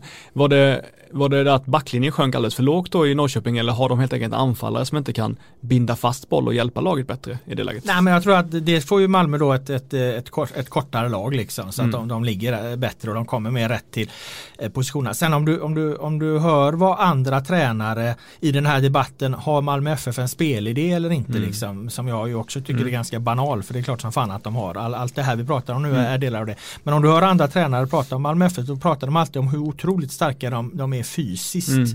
Mm. Eh, och när, när, då, när de väl är på tå och, och, och gör rätt saker då är det klart att då är de ju i det spelet mycket, mycket bättre än IFK Norrköping. Det var ju bara det att i, i, i första halvlek så hade de för långt mellan lagdelarna och de, de var liksom inte riktigt med i matchen och så här. Och det, det är klart att då, då kan det ju se ut som att Norrköping även kan mäta sig mot mot Malmö i det fysiska spelet. Men när det blir en annan matchbild, ja, då, då, är Malmö helt enkelt. De har, de har, de har varenda spelare är, är, ju liksom som ett granitblock i kroppen och de är snabba, de är, de är atletiska. De, de vet precis vad de ska göra och så det, här, det, det är ju en del av Mal, Malmös spelidé. Hur kommer det sig att Malmö klarar detta med en man mindre då?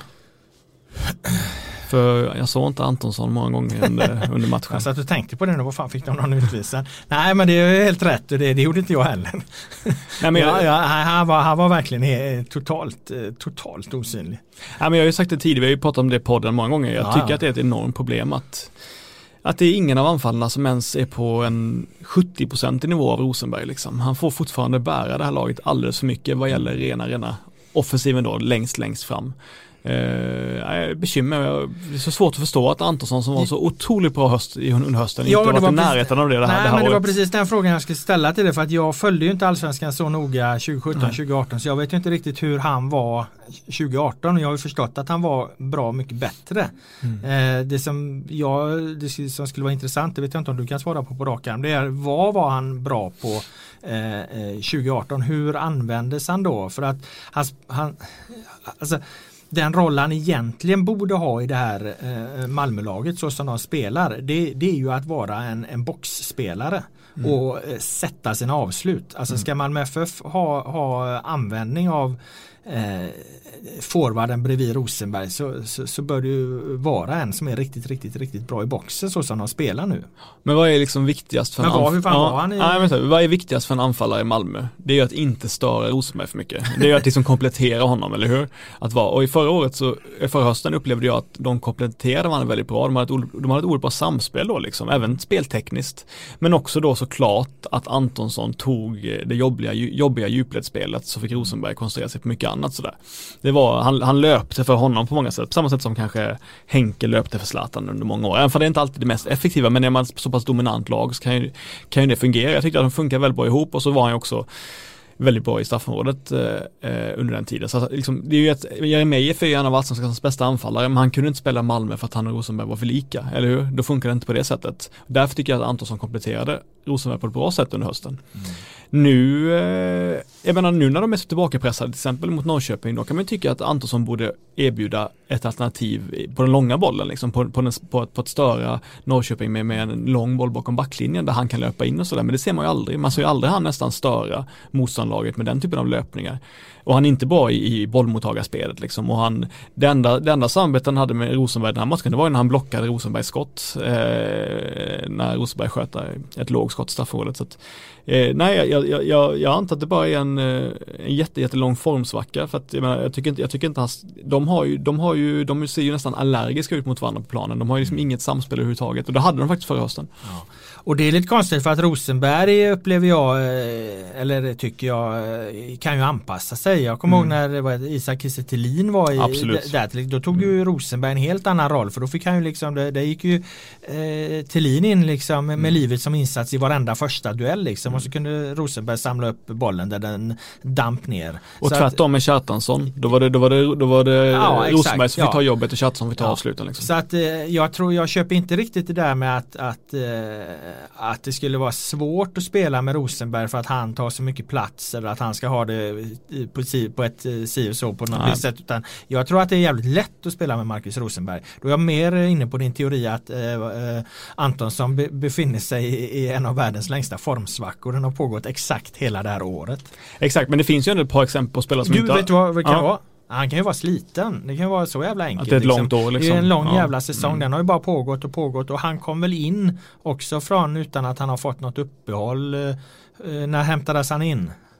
Han har inte haft någon för, ordentlig försäsong på det sättet på länge för det har bara pågått och pågått. Och Ja, pågått. exakt. Så han, kom ju, han var ju proffsåtervändare. Kom han under ett eh, sommaruppehåll eller? Han kom ju, Han kom ju, han kom på, i sommar, sommaren 2018 kom han. Ja precis, det var när jag inte bevakade. Ja precis och då, kan, då kom ju han liksom precis från en lång säsong, gick rätt in i en ny som förlängdes genom att de gick vidare. Så det, det, det kan ju vara det att han är liksom i grundsliten, att det är helt enkelt hans fysik som gör att eh, eh, nu är det här någonting som vi i den här podden resonerar oss fram till så liksom inte kritiskt prövat den här teorin på något sätt. Men det skulle kunna vara så att han faktiskt ja. i grund och botten är jävligt sliten. Jag tycker det var bra instick med Thelin eh, och eh, och Kjartansson och sådär, att det finns anfallare som verkligen eh, passar bra med Rosenberg och anpassar sig mycket och, och, och han anpassar sig utifrån dem. Men vi har ändå Målins, Jeremejeff, Carlos Strandberg och nu Antonsson som har vissa problem med att anpassa sig eller lyckas med Rosenberg. Så jag tycker ändå det finns någon slags empiri som man kan bygga det här på. Eh, det var bara det jag ville säga. Okej, okay, så du vill att vi ska... Nej men jag säger inte att det är Rosenbergs fel heller liksom. Men jag säger bara att eh, någonting gör ju att andra anfallaren inte skiner så mycket. Jag tror att det, i Antonssons fall så, så kan det nog handla om fysik. Absolut. Eh, sen fick vi ett resultat då till slut eh, 1-0 där Rosenberg som hittade eh, Rex på bortre stolpen. Och det var ju alls ingen, eh, ingen slump att målet såg ut på det sättet eller att, att det här målet kom då. De hade haft ett par liknande anfall. Eh, de är jävligt bra på att komma in med mycket folk i straffområdet. Eh, det, är, det är också en sån här underskattad del av, av när man pratar om spelidé och så vidare. Hur fan gör man mål? Jo, liksom eh, klarar du att bygga upp ett spel så att du alltid kan skicka in en jävla massa folk i straffområdet. Och det är klart att du ökar dina eh, chanser på, på, på att göra mål. Lag kan ju spela jättefin fotboll eh, för att de har mycket folk eh, centralt i planen exempelvis. Men sen när de kommer fram med bollen mot straffområdet, ja det är två gubbar där som stångas med fem liksom. Då blir det inte så jävla många mål gjorda. Så att det är ju också en, en, en styrka i Malmö FF att hela tiden komma till den typen av anfall. Att de, de, de har spelare i position. Jag tror vid det här målet är de väl en fyra, fem man som stormar in i, i, i straffområdet. Och då är det inte så jävla lätt för Norrköping att hålla koll på att Rex kommer bort till stolpen också. Ja, men därför måste man säga att till exempel Malmö var ganska bra hemma mot Djurgården. För där har de ju de skapar inte chanser varje gång, men jag måste säga att de har typ tio gånger där de packar motståndarnas eh, straffområde fullt med egna spelare och skulle kunna komma i riktigt bra lägen. Så att de, de har en jävla fysik på det sättet att orka ta sig in hela tiden. Och ett mod. Så är det ju. Eh, och segern gör att de eh, definitivt är med här. Är det något lag som skulle kunna gå rent här sista eh, så är det väl egentligen Malmö FF. Nu får de ju det körigt i och med att eh, det är extremt tätt i allsvenskan. De har sina Europamatcher. Mm. Eh, men de verkar ta sig an det på ett ganska obekymrat sätt ändå. Eh, Rosenberg när han får frågor om Mm, det. Han, han hanterar ju det där bra liksom. Han vill spela matcher, hålla på att träna så jävla mycket. Det kan man väl i och för sig tro är ganska ärligt. Jag menar fotbollsspelare minns i alla fall jag från när jag spelade. Så det, det, vad fan, det var ju träna. Det var roliga var ju att spela matcher. Så är det. Ja, de har väl några spelare som man absolut inte vill ska vila. Det är väl egentligen centrallinjen, Ja. Rasmus Bengtsson, Christiansen i första hand på mittfältet och eh, Rosenberg som, som, som det alltid tycker jag blir, blir jobbigare när de inte är på planen. Liksom. Men Christiansen verkar vara en jävla evighetsmaskin. Ja, så är det ju. Han är, mm, nej, sällan skadad och, eh, eller han har ju haft många tuffa skador i karriären, men jag tycker han är sällan är småskadad. Och jag tycker att han, eh, ja, f- fräsch liksom. ja absolut. Inte plågad av ifall det blir tätt. Nej, nej jag köper det. Eh, då lämnar vi den matchen och går vidare till den sista guldstridsmatchen. Det var ju Djurgården-Helsingborg. Eh, Det var ju också en oerhört fascinerande fotbollsmatch. Jag har varit alldeles eh, lyrisk när jag skulle prata om den efteråt här i våran tv. Men du var där på plats. Så vi kan ju börja med, med, Mm. med dina intryck eh, av den. Ja, vi, du och jag smsade lite under matchen och vi, vi, Ja. brukar, alltid, vi brukar alltid vara överens. Tycker att vi var överens den här gången också, men kan inte 100%. Eh, Jag var ganska jag tycker, inte, jag tycker Djurgården var bra i den första halvleken. Så här, bara för att Helsingborg gör ett bra arbete, ett oväntat bra arbete och, och, och ser fina ut under Olof Mellberg så betyder inte det att Djurgården gör en, en svag match. Eh, första halvlek menar jag. Eh, jag tycker ju att Djurgården eh, var ganska tålmodiga och Visst, de kom inte igenom centralt så jävla mycket under matchen, men jag tycker att de massakrerar ju eh, Helsingborgs kantspelare. Så kanske Helsingborg lämnar den ytan ganska mycket för att de ska kunna försvara centralt. Men jag upplever ju att de skapar ju fyra, fem riktigt bra chanser via rent inläggsspel eh, och vunna andra bollar och så vidare. Och det... jag, tror inte, jag tror inte Helsingborg lämnade kant, inte mål Nej, jag vet, för då hade inte jag Mellberg vet, jag skrikit vet. sönder Jag ska komma in på det, men det kan ju vara att åtminstone att de, att de lät dem, de styrde ut dem där och ville att de skulle Ja, ändå ja. hantera det Ja, bättre absolut. sen liksom. Ja. Jo, för det är ju det intressanta. Mellberg såg ju skogstokig ut verkligen. Han såg galen ut på Det var ju ändå kul att se att eh, han hade så campingkläder på sig och bara som en ungdomstränare verkligen satte igång. Och han hade ju rätt att samtidigt så är det det, ska man spela Moro och Max Svensson så får man ju två stycken spelare som kan kontra sig igenom till ett friläge liksom. Men man får också två spelare som är inte så bra på att försvara. Man får ju nästan köpa det liksom att han, att han kommer vara lite vimmelkantig. Och då får ju den här gamla, han är väl nästan en arméofficer, Holgersson om jag minns rätt från Flinks långintervju med honom. Då får han skrika honom rätt också där vid. Men ja, de, de, det, blev jobbigt för dem när de överbelastade med, med ring och med, med check på den kanten. Ja, Men vad, jag, vad vi inte var överens om där också det var ju att Helsingborg har ju det är ju två rena frilägen Mm. plus Moros eh, på bortre. Mm. Att släppa till på en halvlek mot eh, ett allsvenskt bottenlag, ett Mm. Djurgården som har varit eh, vrålstabila defensivt. Mm. Eh, och, och en Danielsson, sen vet inte hur många felpassningar han slog i första halvlek och gav bort bollen där för de inte hanterade deras eh, pressspel. Och de hanterade inte, eh, de låg liksom inte rätt i, i centralt vilket kan ha haft att göra med att Curtis Edwards hade en ny position och, och, och att man tappade därigenom. Eh, så han- att det är klart ja. att det fanns ju mycket för dem att vara, vara missnöjda med och det sa väl Kim Bergstrand i, i pausintervjun också att det är absolut viktigt, de måste förändra nu det är att de måste, de måste ligga mycket bättre eh, centralt så att inte Mm. de släpper till de här eh, chanserna. För chanserna rycker sönder det och, och chanserna kunde mycket väl eh, lett till mål. Nu fick ju Vaiho kliva in och, och göra några otroliga räddningar och, och, gö, göra skäl för den hjältestatus han lite billigt har fått kan jag tycka. Men nu börjar han faktiskt eh, nu börjar han faktiskt eh, har ju kommit upp i så många räddningar så att man får tala om honom som en någon form av succémålvakten då alltså för det är bra räddningar Inga dunderavslut dock från någon av Nej, eh, inga dunderavslut men ja, vad fan han är där, han tar, han tar, tar det han ska liksom och jo men det är ändå helt hyfsade räddningar på, på fria lägen. Men jag håller med, det, det, dunderavslut hade ju suttit i mål givetvis men, men han tar ju dem. Nej, men, Eh, så att, och jag ja. menar, vad händer i andra halvlek? Ja, du har Mm. inte tillstymmelse till detta. Det det är stängt den vägen. Har de, de har ju knappt en chans i andra halvlek Helsingborg på det, på det sättet. Så att det förändrar dem och det var det jag tyckte var jävligt Ja. häftigt med den här matchen. När den står 0-0 i paus och står och väger. Mm. Det är så oerhört mycket på spel. Du vet att Djurgården kommer från en, en derbyförlust. Du vet att det, det är snack om att de kan få, få hamna i guldfrossa och allt det här. Ett dåligt resultat här och så ska de bort till, upp till Sundsvall liksom och, och spela med. Då har liksom allt det där positiva har förbytts till negativt på, på två matcher. Men så gör de vissa förändringar och så får de resultat. Det tyckte jag var jävligt häftigt. Ja, absolut. Men då vill man ju säga det att Helsingborgs defensiv var ju också bättre i andra halvlek. Första 20 och andra halvlek så stabiliserar jag, visst de kan ta sig fram på samma sätt eftersom Djurgården stänger de ytorna på, på ett förtjänstfullt vis liksom. Samtidigt gör det också att matchen blir enklare att hantera för Helsingborg defensivt. De ser ganska stabila ut första 20 minuterna i andra halvlek tycker jag. Hels- Djurgården skapar ju mycket, mycket mindre i andra halvlek jämfört med första halvlek. Och då blir det lite, då kan jag tycka att det blir lite, man får väl ändå utgå från vad som ger mest chanser också, eller i spelet. Och jag, i min bild var att Djurgården var möjligen lite flamsigare och flängigare och lite eh, positionslösa och på ett sätt som man inte är vana vid i första halvleken. Men de skapar faktiskt fler chanser i första halvleken, fler högkaratiga chanser. Eh, Och det måste väl ändå vara någonting man, man, man, man ska bedöma då. Eh, och, och Helsingborg såg ju, tycker jag, ganska trygga ut fram till att Buya Turay vårdar skjuter eh, Kujovic i huvudet liksom. Så att, eh, ja, jag tycker det finns lite, man tycker man kan se, se det från två olika håll i Ja, här men jag, fallet. om, jag hade, om jag hade varit tränare i där i paus 0-0 då hade jag sett Ja. det lite så, okej vi måste stoppa det, vi kan inte släppa till, vi kan inte släppa till tre frilägen i andra halv, halvlek också, det är det fokuset. Ja. Okej nu kliver vi in här, nu stoppar vi det här. Sen vet vi, vi, vi, vi, vi har vårt tålamod, vi har vår anfallskraft, vi har spelare att sätta in. Vi vet att eh, från minut 65-70 någonstans, då kommer tröttheten, det kommer bli fler misstag, vi kommer få våra chanser, vi kommer få ett par till. Jag håller, håller helt med dig, eh, de skapar inte de chanserna direkt i början av, av eh, eh, andra halvlek. Och målet, ja det är ett vådaskott som, som Kujovic, Kujovic gör det ju Jättebra, bra. För han jättebra, trycker ju absolut. in, det där är ju en prestation. Så Absolut. det är inte flyt hela Nej. vägen men, men ja givetvis, alltså bollen hade ju inte, det, den har ju inte gått inspark ju, den har landat Mm. vid sidlinjen eh, eh, Buya Turay där.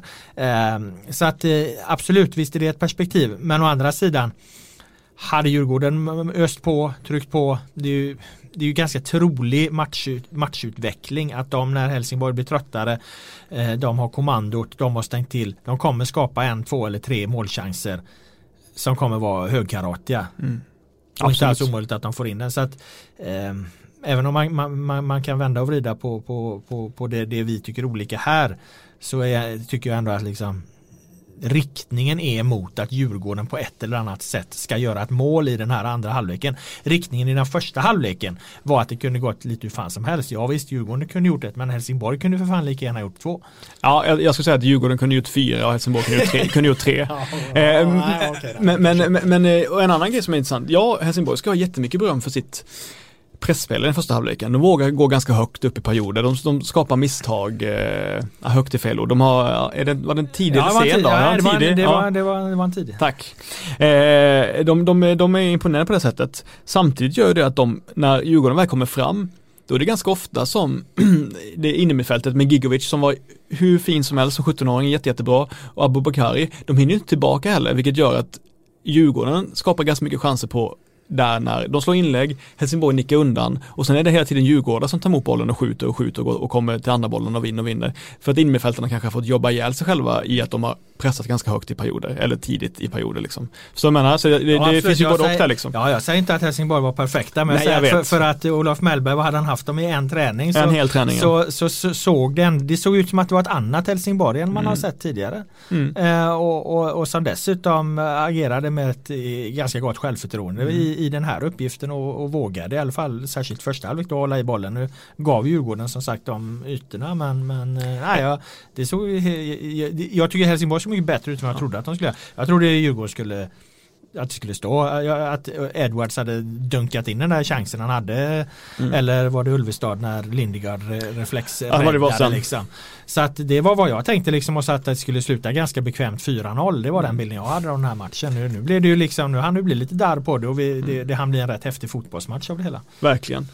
Eh, nej men sen är det ju så, ett problem för Helsingborg är att på många sätt älskar jag Alhaji Gero som spelare. Det är, jag skrev i en krönika, han är som, det är en fribrottare med en fotbollsspelare. Han är ju, han skapar utrymme för, för andra och för sig själv. Och, men det är ju en mittback också som man har längst upp i anfallet på många sätt. Eh, det gör ju att eh, han kan binda upp spel, han kan hjälpa medspelarna, han kan göra så att eh, man, hit, man, man frigör ytor för Svensson och, och Mår och sådär. Men han kommer inte göra så mycket mål.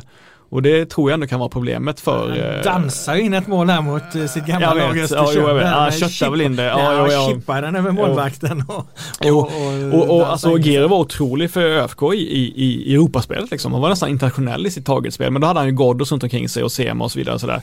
Och Max Svensson och Moro, Moro har spetsegenskaper och är väldigt, väldigt bra. Men de har inga Ghoddos eller Sema och de har inga jättebra avslutsfötter. Så jag tror fortfarande att själva målskyttet kan bli ett problem för HF. Ja det kommer bli. Moro är ju en av seriens grövsta eh, målsumpar. Alltså han är Mm. fruktansvärt svag på, på avslut. Eh, vad heter han? Max Svensson är väl lite, har lite Absolut. bättre, bättre fot på det. Eh, men Gigovic där tycker jag Mm. definitivt att det är värt att, att lyfta fram. För 02. Ja, 17 år. Nej, det, det, det är väl det att jag tyckte att han var eh, så modig i, i allt han företog sig och trots att han inte alltid hade täckning så vå- vågade han fram och störa motståndarna och vinna boll högt och, och dessutom jätte, jättelugn då när han väl hade bollen och kunde spelas ur många situationer.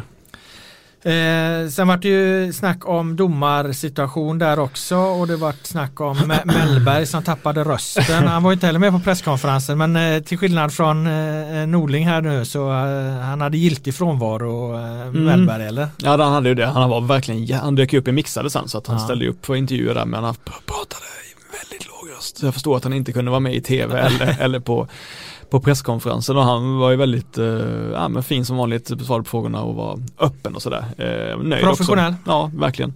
Eh, så att, eh, vad var det andra du sa? Det var något annat? Eh, vad var det? Ja, eh, jo, men eh, vad heter han? Buya Turais armbåge. Ja, där. exakt. Ja. Nej men eh, det är klart att det är rött kort. Ja. Och sen säger ju, sen får han en, Johannes som får en hel del skit sen för hur han uttalar sig.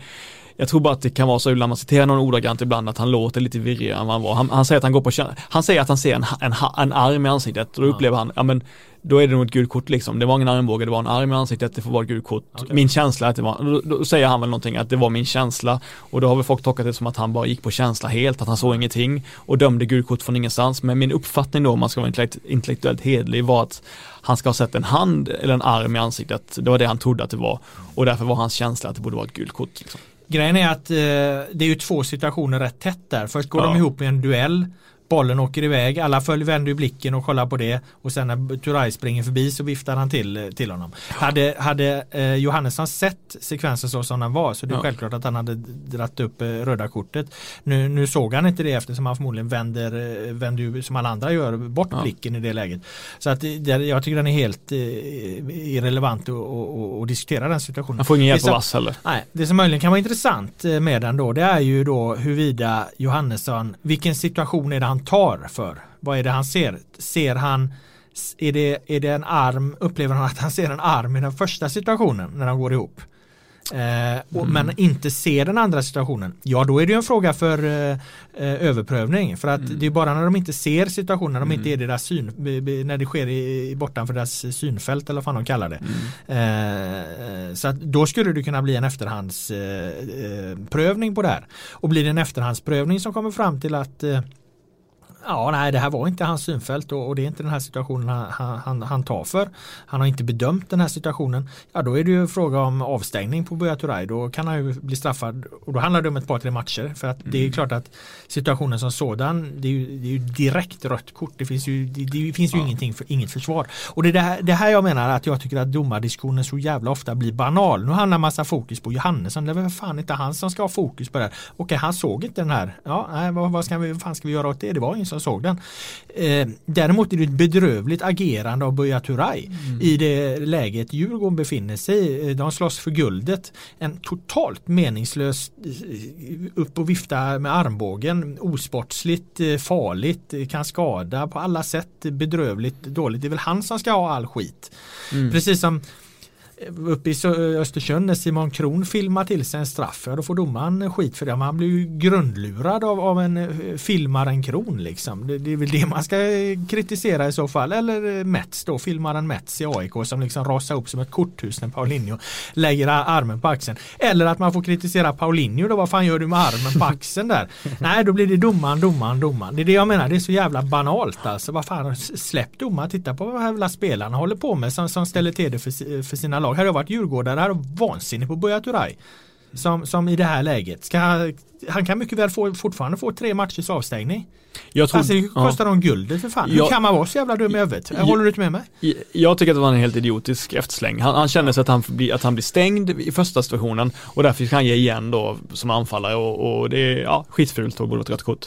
Men jag tror att Johannesson tar det på andra situationen och inte första. För första är ingenting. Första är inte gult kort. Första är, är ju bara en, Nej, en, en, en löpduell och det kan inte, om man ger gult kort för det så är det, ju, då är det jättekonstigt. Ja, han så- måste ge för andra. Ja, och i så fall har han bedömt situationen Ja. och då kommer Buya Turay klara sig. Det tror jag. och då är det inte så mycket att, att, att, att diskutera. Än- Annat än att det att, att Johannesson inte har sett det, ja det är ingenting att diskutera. Däremot så är det fortfarande ett jävla eh, agerande av Buya Turay. Han, Mm. Det är en jävla chansning han tar liksom. Vad är det som säger att han kommer göra så igen? Eh, här bör de ha ett allvarligt snack med honom och som sagt jag har varit djurgårdare hade jag varit förbannad på det beteendet. Ja, jag tror faktiskt att eh, Lagerlöf och Bergstrand gjorde en helt annan approach i det läget. De sa ju tvärtom, de hyllade honom för hans match. Han var väldigt bra, han var väldigt bra i spelet. Ja. Som vanligt. Ja, vi, vi tycker att han var bra hela säsongen. Ja men de, de, var, de försökte ju höja honom här i alla fall snarare än att de skulle dra honom i örat tror jag. Okej, vi släpper det. Vi får se vad det tar vägen. Eh, Djurgården eh, går vidare mot sina 65 poäng som jag tror att eh, de kommer få. Har du någon anledning att invända mot det? Nej men det som är intressant är att man, du sa någonting, skulle de drabbas av liksom guldfrossa och de förlorade derbyt, vad hände sen? Men senaste gången de förlorade ett derby Ja. i, i den här serien så vann de fem raka matcher mot Ja. en, enkelt motstånd, enklare motstånd. Nu har de fyra raka matcher mot så kallat enklare motstånd. Ja, Eh, för och de vann första nu mot HIF. Sundsvall, så- Falkenberg, Östersund. Exakt, så eh, eh, jag skulle säga att det är 88% chans att de vinner alla fyra matcher. Och då har de ytterligare fyra på sig att vinna två till för att komma upp i de här Mm. 65. Då har de råd att förlora derbyt och de har råd att förlora Borta mot till Norrköping exempel till mot exempel. Norrköping i sista eller, eller IFK Göteborg då som de också har på bortaplan. Så det är klart att de har ett väldigt väldigt bra eh, utgångsläge och det var ju därför den här matchen igår vid ställningen 0-0 det var så oerhört mycket eh, som stod på spel där. Mm. Och det Saker blir så självklara i efterhand men är det självklart att sätta in liksom Kujovic han har ju inte glänst i, tidigare. Eh, nu kommer han in och gör, gör, gör två mål. Det var inte ens självklart att värva honom. Folk sa det men han kommer inte bidra under hela, hela jävla hösten här liksom. Vad fan, nu skallar han in det stenhårda skottet och, och, och, och peta in en till. Och, och har ju säkert fått en jävla skjuts av det. Nu kan han ju plötsligt vara ett helt annat vapen än, än, än man trodde. Ja, och sen var det också, om vi ska knyta ihop Djurgården, jag tycker också att det var Eh, att det är intressant att laget ofta fungerar bättre när Astrid inte startar liksom. Eh, och jag, jag, det, det, kan låta, det känns som att man kan hacka på honom och man ska inte göra det för mycket för att han har jättemånga bra kvaliteter. Men jag upplever ju att när han spelar ibland så är det för många spelfördelare i laget. För många som vill kladda med bollen, för många som vill delta i speluppbyggnaden, för många som vill Alltså hans roll behövs inte riktigt. Det behövs inte att han sjunker ner hem till boll. Det, det är det jag menar, det behövs inte. Han skohornas in på ett sätt liksom. Och laget tycker jag ofta fungerar bättre. I så fall det är bättre att säga att han ska vara hög, utgå högt upp och sen ibland kommer möta, möta i halvytan på något sätt mellan, mellan eller mellanytan mellan deras mittfält och backlinje. Alldeles för ofta går han framför deras mittfält. Och det tycker jag är, det behövs inte. Nej, och sen så tappade ju Edwards också när du satte Ja. honom på den där rollen som han inte riktigt kom till sin rätt i. Jag menar de har ju fungerat väldigt bra när han har, Ja. har legat som en av tre mittfältare. Jag tror han kommer gå tillbaka till det till, till nästa match Ja. mot Sundsvall. Eh, spela eh, Edwards där igen. Om de nu inte har fått några avstängningar. Nu har ju i och för sig börjat Turajen då avstängd va? Ja men det blir ju bara rak ersättare att Kujovic går in. Ja, då kan Kujovic kliva in där då Ja. om han nu anses redo. Ja, fan, 60 minuter har han i sig trodde Ja. Lagerlöf. Okej, han sa det. Mm. Alltså, och då kan man ju starta menar. Ja, ja, ja. Eh, Okej, vi lämnar guldstriden där. Vi glider sömlöst över här igenom på bottenstriden eftersom Helsingborg då, jag sa att eh, vi säger grattis till tre lag. Jag skrev en krönika eh, eh, tidigare i helgen här att jag gratulerades IK Sirius och Kalmar FF till nytt kontrakt. De är uppe på 24 poäng och jag tror att Falkenberg som ligger på kvalplats aldrig kommer aldrig komma upp i mer än 23 så att når du 24 poäng i den här allsvenskan så har du klarat ett eh, eh, nytt kontrakt. Eh, Helsingborg är ju inte där. De har inte de, har inte de här poängen men, men utifrån vad de visade mot eh, Djurgården framförallt här nu så det finns inte någonting som talar för att de inte skulle kunna ta en, ta en seger till. Eh, så att eh, jag tror att eh, vi, kan, vi kan slå fast med kraft att Sirius kommer spela allsvensk fotboll 2020 Kalmar FF kommer spela allsvensk fotboll 2020 och Helsingborg kommer spela allsvensk fotboll 2020. Eh, jag säger inte emot någonting där.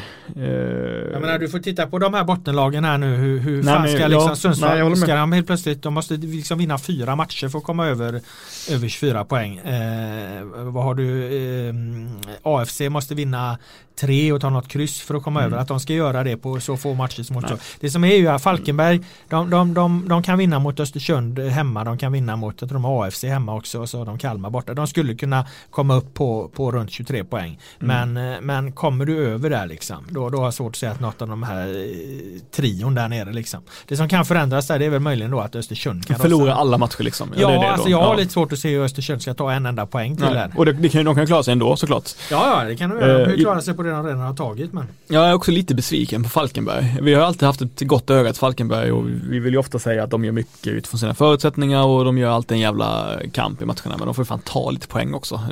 Nu tar de ju faktiskt inga poäng. Nej. Eh, på samma sätt som Sundsvall måste slå ÖSK borta i den här matchen så måste ju faktiskt Falkenberg vinna mot Sirius. Det är ju de här, det, jag menar kolla på Giffarna, ja de ser lite bättre ut. Det, mm, eh, Tony Gustafsson pratar väldigt mycket om inställning, hashtag eh, one day better tror jag han har som eh, filosofi. Eh, och- vara och- eh, dunken soppa i den allsvenska Ferrarin. Det, Exakt. Kan, kan, det kan ju bli liksom en historisk felbedömning det där. ja, men han fick ändå ut ganska mycket av det han ville. Batanero såg bättre ut än på länge, fick vara lite högre upp i banan. Eh, han tyckte att de fightades bättre i, i båda straffområdena, absolut. Framförallt Men det får ju alltid när man byter en ny Mm, tränare vet, får man ju alltid vet. energin. Ja, och då måste du få Jag tre vet, poäng. Du jag inte- jag du Tony Tiger-effekten, en poäng, det är mycket Framförallt så måste man ju spela Peter Wilson från start som, som anfallare tycker jag. Inte som ytter utan som central anfallare. För den här Mats Costa får inte fortsätta liksom. Det är för mig, han, han måste mutat någon, han måste mutat Hagblom eller någonting. Jag förstår inte varför han tvunget ska spelas från start hela tiden. Jag har inte sett han göra, jag, jag tror jag har sett han göra kanske en bra aktion sen han kom, sen han kom eh, i somras. Jag förstår inte varför han måste vara startspelare i Giffarna. Jag tycker det är ett problem. Wilson har många, många, många, många, många, många svagheter. Varav en är att han är eh, nästan morodålig i avslutssituationerna. Men han är en jävel på att springa till lägen och, och det händer någonting runt omkring. Så jag hade ju definitivt kört honom som, om man nu ska köra en, en, en ensam anfallare så hade jag kört Wilson i den rollen. Eh, de hade ju lite otur också, Giffarna. De hade ju ett mål som var inne och som borde dömts eh, som mål, men som eh, där Oskar Jansson får en frispark eh, i duellen mot Peter Wilson. Det var ju för att de hade haft lite dueller tidigare i matchen, så jag tror att domaren liksom hade det i, i, i åtanke. Så att ja, de hade lite oflyt att de inte fick något mål med sig. Eh, Du var inne på Falkenberg där man sitter och, och tycker att de spelar bra. eh, Och ja, när jag såg dem mot Sirius här nu i eh, fredags var det. Mm. Då, då var min känsla en kvart, 20 minuter in där att ja, men, ah, fan, de tar nog det här till slut ändå Falkenberg. Mm. För de är så pass fina framåt, de är bra på att vaska fram sina målchanser. Men de måste vara, de måste vara alltså, ännu sämre än vad man kan se med blotta ögat måste de vara i sitt försvarsspel eh, eftersom eh, motståndarna alltid lyckas göra på olika sätt hela tiden mål på dem. Alltså. Mm. Det måste vara jag tycker det är svårt att peka på exakt vad fan är det de är så jävla dåliga på i sitt försvarsspel. Jag ser det inte riktigt men, men eh, det går inte att blunda för hur, hur, liksom hur mycket mål de släpper in och hur målen kommer till och, och det, det sker på liksom konstiga sätt och de kommer Ja, fel liksom. Och, Kan ju ja. för att de har ett ganska offensivt balanserat lag ändå, som jag sagt Ja tidigare. men då hade de inte Karlsson- riktigt det ändå Ja, ja. igår liksom. Men sen så åker de på någon jävla omställning ifall de då inte har det liksom och så, och så går det åt helvete ändå. Så att, eh, Nej men det som kan hända är som sagt att ÖFK kan förlora alla matcher och åka ur, men det kommer troligtvis inte, alltså de kan förlora alla matcher men ändå klara sig kvar, så kan ja vi säga. precis. Eh, AFC plockar ju lite poäng och sådär, men eh, det är om, det är om... Saulius och Saulius-effekten hade Ja, exakt. en poäng där. Tog en, och de ledde ju två gånger. Absolut. Ledde först med 1-0 och sen ledde de med, med, med 2-1. Det var väldigt roligt. Jag och Simon Bank spelade in eh, eh, så här tv, Mm. fråge-tv i fredags var det. Eh, och då är det ju tittarna då, de får ställa frågor via Facebook och så här. Och så hade vi suttit där liksom och svarat på frågor om alla, alla lag och så, bla bla bla, så var det någon som ett geni var det som skickade in frågan Okej nu vill vi höra vad Saulius och Saulius har för fotbollsstrategi och vad, vad, vad utifrån deras liksom bakgrund eh, som de har med sig hur kan de då förändra AFC liksom? Vad är det Bra de fråga. framförallt kommer skruva på? Ja, ja, det var en genialisk fråga. Inte ens Simon Bank var nära att kunna svara på den. För han hade inte heller gjort sin läxa på Saulius och Saulius. Jag tänkte det att borde man ju egentligen göra en jävla djupdykning och leverera en fullskalig analys av Saulius och Saulius. Men, men det hände så jävla mycket annat i allsvenskan. Det är säkert två av de mest intressanta människorna Ja, vi har. alltså, det vi har erfarenheter som, från Kazakstan vet jag och från Litauen och sådär. Mm. ja, alltså det, är- det är ju typiskt en sån där grej. Den som väl gör det, den journalisten som väl, väl åker ner och sätter sig med den kommer säkert få en kanonstory. Eh, men jag vill ändå ha ett rakt svar här vi nu. Vilket lag får kvala av Falkenberg, AFC och Sundsvall? Och ÖFK. Eh, ÖFK. Ja då är det något av Falkenberg, AFC och Jag Sundsvall tror- som klarar sig helt. Ja, jag tror att jag tror ändå Falkenberg. Jag har inte gett upp. Jag har inte gett upp hoppet om Falkenberg än. Nej. Jag tror de kan, eh, kan krångla sig, krångla sig eh, över ÖFK. Som sagt, jag är tveksam till att eh, Östersund. Det är klart att de kan ta något kryss här och var, va? Men, men jag har svårt att säga att de ska vinna fler matcher. Mm, nej, intressant. Eh, det är mycket annat med Östersund också. Ja, jag vet inte hur mycket vi ska gå ner oss i eh, hela den här härvan. Vi avhandlar ju den väldigt tydligt på, på nyhetsplats och i, i, krönikor och i, i live-rapportering. Jag ska tillbaka upp till Östersund och bevaka rättegången mot Daniel Kindberg i slutet av den här veckan nu när, när, eh, när de ska höra den så kallade PM-mannen och eh, och Kindberg själv då som ska höras på fredags. Men, men alltså oavsett så är det ju klart att det är en jävligt solkig historia här för att jag menar nu den här så kallade Sollefteåföretagarens försvar det har ju mycket handlat om att erkänna att det, det har liksom skett andra oegentligheter. Så att det, man, man slår ju sig fri från de brottsmisstankar som finns genom att erkänna att jo men lastbilarna har inte varit påställda, de har rullat ändå, pengar, löner har inte bokförts, den, den utländska arbetskraften har inte fått betalt e, enligt e, på, på riktigt sätt liksom. Så det blir diskussion om, om svarta pengar och, och skit liksom. Så att jag menar historien blir någonstans blir den bara solkigare och solkigare. På en skala 1 till 10, hur cyniskt upplagt är försvaret? Om 10 är eh, cyanidcyniskt liksom. Eh, nej men det är väl upplagt som, jag menar i vårt rättssamhälle, ett försvar ska, det är ju upplagt eh, efter att på alla sätt klara sig undan att eh, fällande domar här helt enkelt. Eh, jag vet inte, är det, är det cyniskt egentligen? Det, det... Ja, men just det att erkänna andra, att, att, att, utan att blinka erkänna andra brott liksom. För att, för att skydda sig från ett annat brott liksom. mm. liksom. Är inte det lite ovanligt ändå? Lite, alltså att, man är helt, att man är helt ointresserad av att behålla bilden av sig själv som, som Snövit. Ja, liksom, nu ska man ju då tänka på att det är ju inte Daniel Kindberg som på något vis har erkänt Nej. de här sakerna utan det, det, är ju de andra personerna eh, bland annat då en av, eller inte ens de andra utan den andra, mm. så han som hittills har hörts då. Han är ju en stor sponsor till mm. eh, ÖFK så att det, det, är klart att oavsett vad så skvätter ju det här på, på Östersunds FK och ja, det går inte att säga att Daniel Kindberg har vetat eh, hur det har gått till för jag, det finns, jag har liksom inga bevis för att påstå det men, men var och en får ju ha sin, sin, egen, eh, sin egen syn på den saken men, mm. men det, det, det, historien blir ju i alla fall jävligt mycket mycket solkigare när det kommer fram massa andra grejer då under tiden här nu oavsett det, det finns en fällande dom eller inte. Du nämnde här på redaktionen och kom tillbaka. Helvete, ÖFK kan ju åka ut på tre olika sätt. Kan du sammanfatta? Alltså så är det. Ja de kan ju De kan ju åka ur för att här, jag kommer fan knappt ihåg. Ja de kan ju bli degraderade av Svenska fotbollsförbundet. För att det här på något sätt har vanärat sporten och allting som nu kommer fram. Eh, de kan ju åka ur för att de spelar sig ur eh, allsvenskan och de kan ju bli utslängda för att de inte har några pengar att vara kvar i allsvenskan för att de får sin elitlicens eh, strypt. Har jag ytterligare? Nej det är de, trots att ja. de två första är, all, de är allvarligt ute så är det nästan elitlicensen som är just nu nästan känns som det ja, eh, allvarligaste. Med, med liksom. Goddos ja, men inte bara, ja, inte bara det liksom. De har ju, de, de, det är just, jag skulle säga att det är en extremt stor risk att de inte klarar ekonomin alldeles oavsett om God, alltså kommer Ghoddos pengarna på ÖFK, då är det väl så 90% att de inte, att de inte klarar sig. Men alldeles oavsett så ligger de jätteilla till liksom. Sen så märker man ju nu att det börjar ju jag, jag, kallar den här att det är en solkig historia, en smutsig historia. Så att det, det, det kommer fram mycket skit. Det märker man nu börjar ju liksom jag gjorde en intervju med han eh, ordföranden där, eh, Bosse Ottosson. Mm. eh, och han hade ett uttalande då där han liksom ville försvara, eh, det var när Kindbergs advokat hade hållit sin sakframställan och han, han säger liksom till mig att eh, ja nej men det, det är precis så här det går till liksom, det är så här det fungerar, jag är själv, själv i branschen ungefär så, så säger han. Och han är ju då ordförande i ett, ett stort eh, miljardåkeribolag liksom, vad fan han nu hette liksom. Och då, då han får ju han kliva av där, han får ta en time-out liksom. För att de blir liksom indragna i sådana eh, osnygga härva, en sån osnygg härva liksom så, så det går liksom inte att, att, ha sina andra uppdrag längre. Då, det, är också, det säger också någon, någonting om, om, om vidden av, av hela den här liksom ja. härvan. Och så fan, nu ja. Ottosson då fått kliva av där liksom från sitt uh, ordförandeuppdrag ja. i ett annat bolag. Liksom. Men sen vill ju alla andra gamla sponsorer och företag och människor som varit nära ÖFK, de får ju sina händer nu så, så de, de letar väl minsta möjlighet att Ja, så, att, så skjuta, att skjuta ifrån så, sig den här så härvan liksom. Så blir det. Så blir det. Eh, nej, så att det, det, det, det, ja, det är nog något man kommer minnas och vara där uppe och bevaka det här. Det är ju lite speciellt. Daniel Kindberg ställer upp på intervjuer i varenda mm. paus liksom. Han sa ju inför det, han skulle inte göra några intervjuer.